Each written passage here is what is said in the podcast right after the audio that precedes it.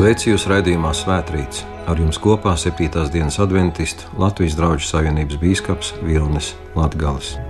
Lūkas evanģēlija 18. nodaļā mēs varam lasīt Jēzus Kristus stāstu, par kur ir sacīts, ka viņš to stāstīja, lai viņa mācekļi nepadotos, bet vienmēr būtu drosmīgi un nepiedzīvotu neveiksmu vai vilšanos, bet paļautos pastāvīgi uz Dievu.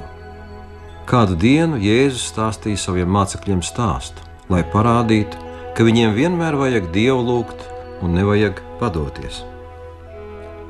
Kādā pilsētā bija tiesnesis, kas dievu nebijās un cilvēks necienīja.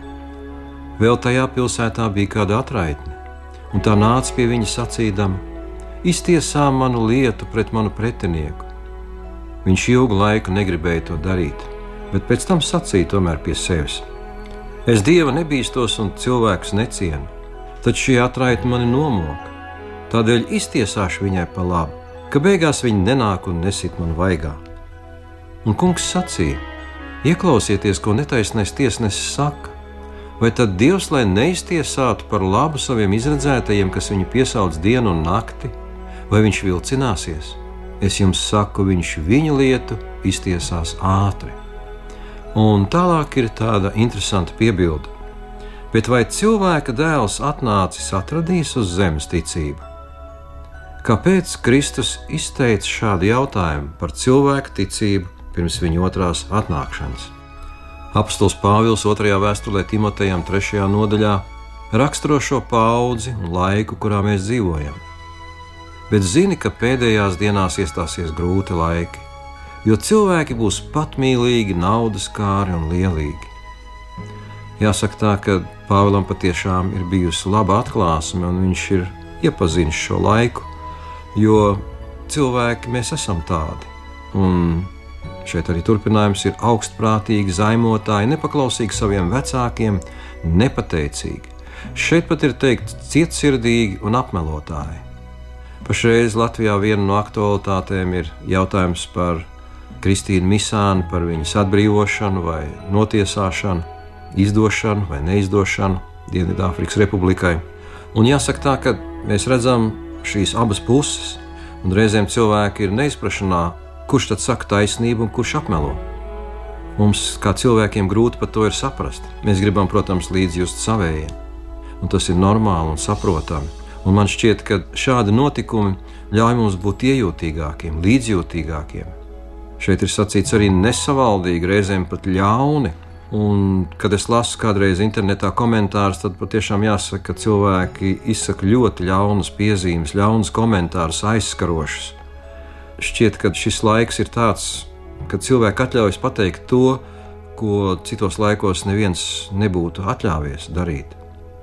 Šeit ir minēts vēl arī, ka cilvēki ir pārgalvīgi un lepnuma apstulbināti, baudas vairāk mīlēdami nekā dievu. Un patiešām šķiet, ka tā ir mūsu situācija. Dievs parasti nav pirmajā vietā. Un šeit arī turpinājumā Pāvils saka, jo cilvēki ir tērpušies dievbijības izskatā, bet tās spēku noliedz. Kā saka kāds cits tūkojums, izrādīdami ārēju svētbību. Svētbība bez dziļas ticības, bez dziļas uzticēšanās dievam, bez paļāvības uz dievu. Un tā kā mēs lasījām šo līdzību, kurā ir stāstīts par lūkšanu, lūkšana savā pamatā ir saistīta ar ticību, ar stipru uzticēšanos Dievam. Tā ir arī personīga saruna ar Dievu. Vēstulē ebrejiem tās autors saka 11. nodaļā, jo ticība ir stipra paļaušanās uz to, kas cerams, pārliecība par neredzamām lietām. Un otrais pants saka, ticībā mūsu priekšgājēji ir saņēmuši Dieva atzinību jo ticībā mēs saprotam, ka pasaule ir radīta Dieva vārda spēkā, ka no neredzamā ir cēlies redzamais. Autors šeit saka, ka mūsu senči savā ticībā ir atzinuši Dievu, un par to ir saņēmuši arī no Dieva puses uzslavu. Un tikai ticībā mēs varam saprast, kā šī pasaule ir radusies, jo pierādīt to nav iespējams. Tās ir dažādas hipotēzes, bet ja mēs uzticamies Dieva vārdam, tad mēs saprotam, ka Dievs ir tas, kurš visu ir radījis un, kā šeit teikts, arī visu uztur. Lūkšanas pamatā ir Dieva pielūgsme. radītāja pielūgsme, zemes radītāja un visu universu radītāja. Un pielūgsmes un ticības rezultāts būtībā ir tāds, pēc kura mēs visi savā sirdīs ilgojamies. Par to raksta Pāvils vēstulē Galatiešiem 5. nodaļā - mīlestība, miers, prieks, izturība, krietnums, labestība, uzticamība, lēnprātība un savaldība. Un, ja mēs uzdot jautājumus, kādus jūs vēlētos redzēt mūsu saimnes deputātus, mūsu valsts augstākās amatpersonas un visus tos cilvēkus, kam ir uzticēta lielāka vai mazāka vara, tad es domāju, ka šis priekšraksts ļoti labi noderētu. Jūs teiktu, jā, tiem cilvēkiem vajadzētu būt mierīgiem, izturīgiem, krietniem, labsirdīgiem, uzticamiem un arī savaldīgiem, un arī, protams, kompetentiem savā jomā. Mēs vēlētos droši vien visapkārt redzēt tādus cilvēkus. Un, protams, arī mums pašiem vajadzētu būt tādiem, kādus mēs vēlamies redzēt citus. Vēstulē Filipiešiem 4. nodaļā apstults Pāvils dod ļoti interesantu padomu. Neesiet noraizējušies ne par ko, bet jūsu vajadzības, lai top zināmas dievām ikvienā jūsu lūgšanā, pielūdzot Dievu ar pateicību. Ļoti interesants teikums - neesiet noraizējušies ne par ko. Būtu brīnišķīgi, ja mēs tā varētu dzīvot. Un Pāvils saka, atklājiet Dievam visas savas vajadzības, visas savas grūtības, visas savas problēmas, un pielūdziet Dievu ar pateicību, jeb, kā saka viens no tūkumiem, pateicieties Dievam par to, ko Viņš darīs, pateicieties Viņam par to, kā Viņš jums palīdzēs. Ir tāda neliela grāmatiņa, Ceļš pie Kristus, un es atradu tur ļoti interesantu citātu. Savas vajadzības, savus priekus, savas bēdas, savas rūpes un nedrošību vienmēr nes Dievu priekšā. Tu nevari viņu apgrūtināt. Tu nevari viņu nogurdināt. Viņš nav vienaldzīgs pret savu bērnu vajadzībām. Dievam nekas nav par lielu vai smagu, jo viņš uztur pasaules. Viņš valda pār visu, kas notiek universā, un nekas, kas saistīts ar mūsu mieru, nav par mazu, lai viņš to atstātu neievērot. Patiešām brīnišķīgi vārdi. Vārdi, kas mūs aicina uzticēties Dievam. Un šķiet, ka viena no lielākajām vajadzībām mūsdienu pasaulē ir miers.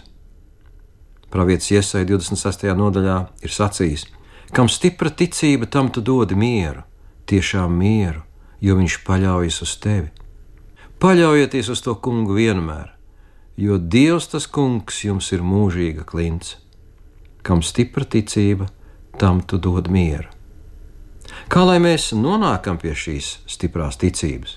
Un atbildi ir šajā tekstā, kur mēs varam atrast Mateja Vāģelijas 7. nodaļā: Lūdziet, tad jums tiks dots, meklējiet, un jūs atradīsiet, klaudziniet, un jums taps atvērts. Ik viens, kas lūdz, saņem, kas meklē, atrod, un tam, kas klaudzina, atvērs. Tas ir brīnišķīgs apsolījums. Ja mēs runājam par ticību, tad atcerēsimies arī kādu vīru stāstu, kurš lūdza Jēzum, es ticu, palīdzi manai neticībai. Mēs šodien varētu teikt, es ticu, bet vairo manu ticību, jo tā ir pārāk niecīga, tā ir pārāk maza. Tā nesniedz to rezultātu, kurus vēlētos sasniegt savā dzīvē. Un šeit ir apsolījums: lūdziet, tad jums tiks dots, meklējiet, un jūs atradīsiet. Pievērsiet tam uzmanību, no visas sirds to meklējiet, un Dievs jums to dos. Reizēm cilvēki saka, es lūdzu, bet šķiet, ka manas lūgšanas augstāk par griestiem netiek. Vai tiešām Dievs vienmēr atbild uz cilvēku lūgšanām? Pravietis iesaistīja 59. nodaļa, mēs lasām, bet jūsu pārkāpumi jūs attālina no jūsu dieva, un jūsu grēkli apslēpj viņa vaigu no jums, ka viņš neklausās uz jums. Tas nozīmē, ka ir arī kādi nosacījumi. Viens no tiem ir aprakstīts Mateja Vāģēlijas 6. nodaļā. Uzreiz pēc Kristus parauglūšanas, jeb kā mēs mēdzam arī teikt, tēvreizes, ir šie vārdi. Jo, kad jūs cilvēkiem viņu noziegumus piedosiet, tad jums jūsu debes tēvs arī dzan piedos. Bet, ja jūs cilvēkiem viņu noziegumus nepiedodat, tad jūsu debes tēvs jums jūsu noziegumus arī dzan nepiedos.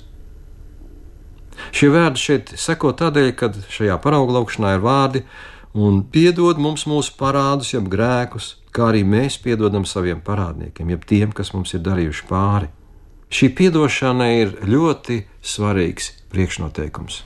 Un vēl otra tikpat svarīga lieta, kas šeit tika minēta, jūsu grēki, jūsu pārkāpumi. Bībele saka, ka visi ir grēkojuši, visiem trūks dievišķās godības. Mēs visi esam grēcinieki Dieva priekšā. Bet šeit ir kāda atšķirība. Mēs varam lūgt atdošanu un to arī saņemt. Dievs sacīja mūzum, 4. mūzes grāmatā, 14. nodaļā mēs varam lasīt: Es esmu piedevis, kā tu to esi lūdzis.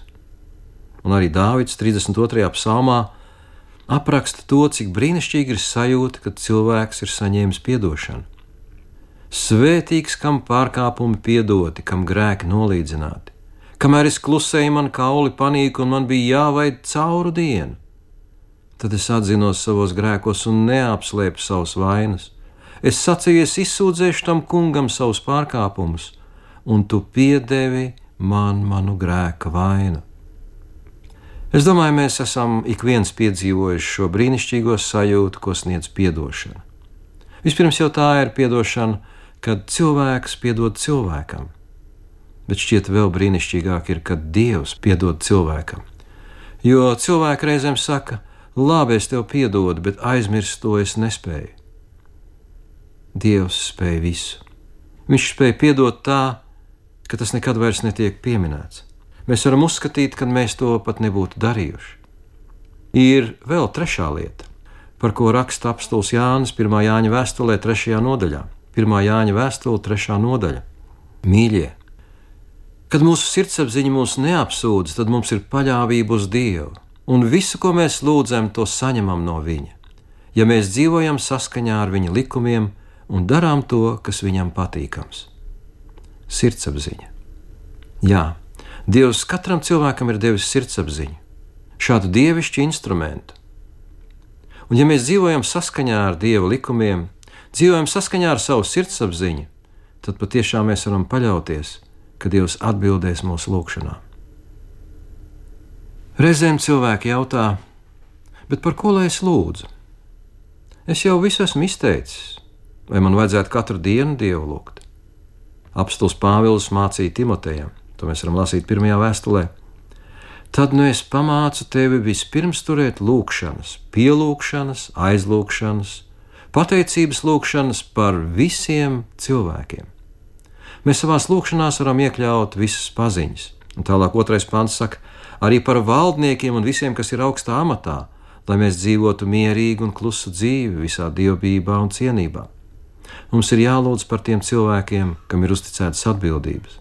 Tālāk ir teikts, tas ir labi un patīkami Dieva mūsu pestītāja priekšā, kas grib, lai visi cilvēki tiek izglābti un nāk pie patiesības atziņas. Patiešām ir tik daudz par ko lūgt. Šķiet, ka viena cilvēka dzīve pat varētu būt par īsu.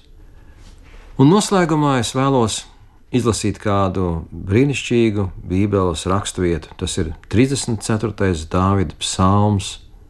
Tas ir viens no maniem mīļākajiem psalmiem, jo šeit dažos Bībeles pantos ir ietvērtas brīnišķīgas atziņas un apsolījumi. Es meklēju to kungu, un viņš man atbildēja. Viņš mani izglāba no visām manām izbailēm. Tas ir grūti aprakstāms piedzīvojums. Mēs cilvēcīgi baidamies no daudzām lietām. Vispirms jau no nāves, no slimībām. Arī tagad šis koronavīrus ir sacēlis, es domāju, lielu izbaiļu vētru visā pasaulē. Īpaši jau Ķīnā un valstīs, kas ir saistītas cieši ar Ķīnu. Cilvēki baidās lidot, cilvēki baidās braukt ar kuģiem, cilvēki baidās no daudzām lietām. Cilvēki baidās pazaudēt savus tuviniekus, cilvēki baidās pat reizēm šķiet dzīvot. Dāvids saka, viņš mani izglāba no visām manām izbailēm. Es varu apliecināt, ka arī tā bija mana pieredze, viena no pirmajām pieredzēm, kad es sāku uzticēties Dievam, sāku viņu lūgt. Pirmā lieta, ko Dievs izdarīja, viņš izglāba mani no manām bailēm.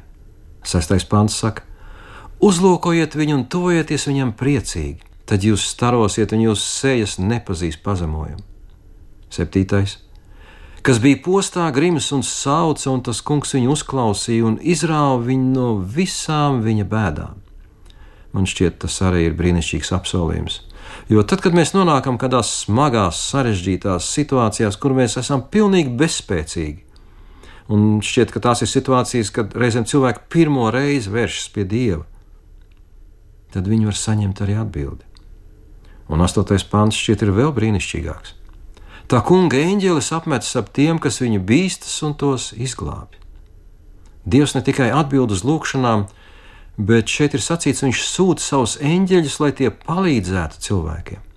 Un es esmu piedzīvojis arī savā dzīvē pilnīgi neizskaidrojamas situācijas, kur vienīgais izskaidrojums, ka tas ir bijis kāds eņģelis, kurš ir palīdzējis.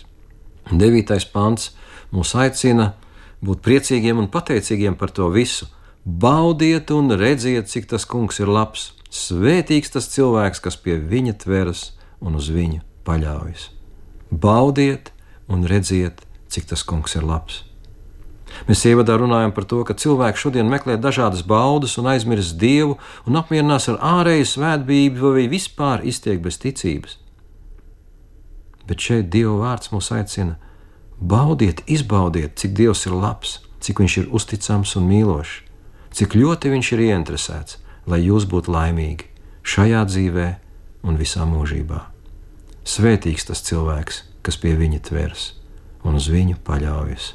Āmen! Thank you.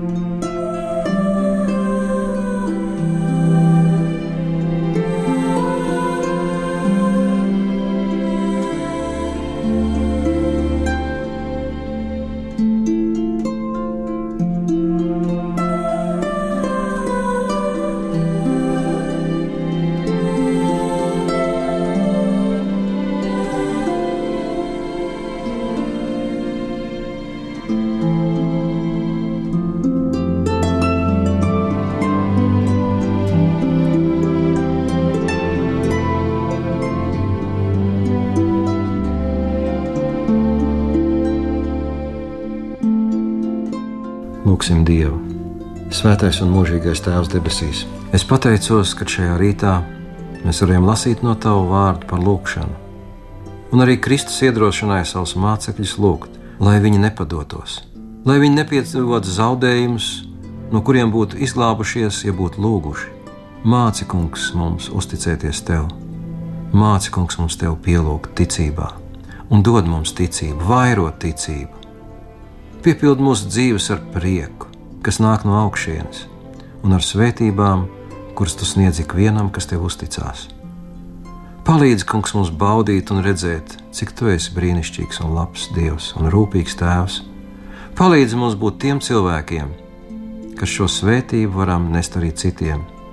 Un tādēļ mēs arī vēlamies, kungs, aizlūgt par mūsu valsts vadītājiem, par cilvēkiem, kas ir amatos, par mūsu valsts prezidentu, par ministru prezidentu, par cilvēkiem, kuri ir ievēlēti arī Latvijas Republikas saimā, par deputātiem, par visiem tiem, kuri dara atbildīgus darbus, un par tiem, no kuriem mēs gaidām visas šīs jaukās un brīnišķīgās īpašības, par kurām mēs lasījām tavā vārdā. Bet palīdz kungs mums arī kā tavai tautai šeit virs zemes, kas dziedam mūsu valsts himnu Dievs svētī Latviju, lai arī mēs paši kļūtu tādi mīloši, iecietīgi, laipni, savaldīgi, tādi, par kuriem ir prieks arī tev, kungs, un lai mūsu valsts varētu tikt svētīta, lai šādi cilvēki vairotos, un lai vairojoties tādiem cilvēkiem, arī ticība vairotos tajos, kurā šobrīd tā vēl nav. Svētī kungs mūsu valsti un svētī katru tās iedzīvotāju. To mēs lūdzam un pateicamies Kunga Jēzus Kristus vārdā. Āmen!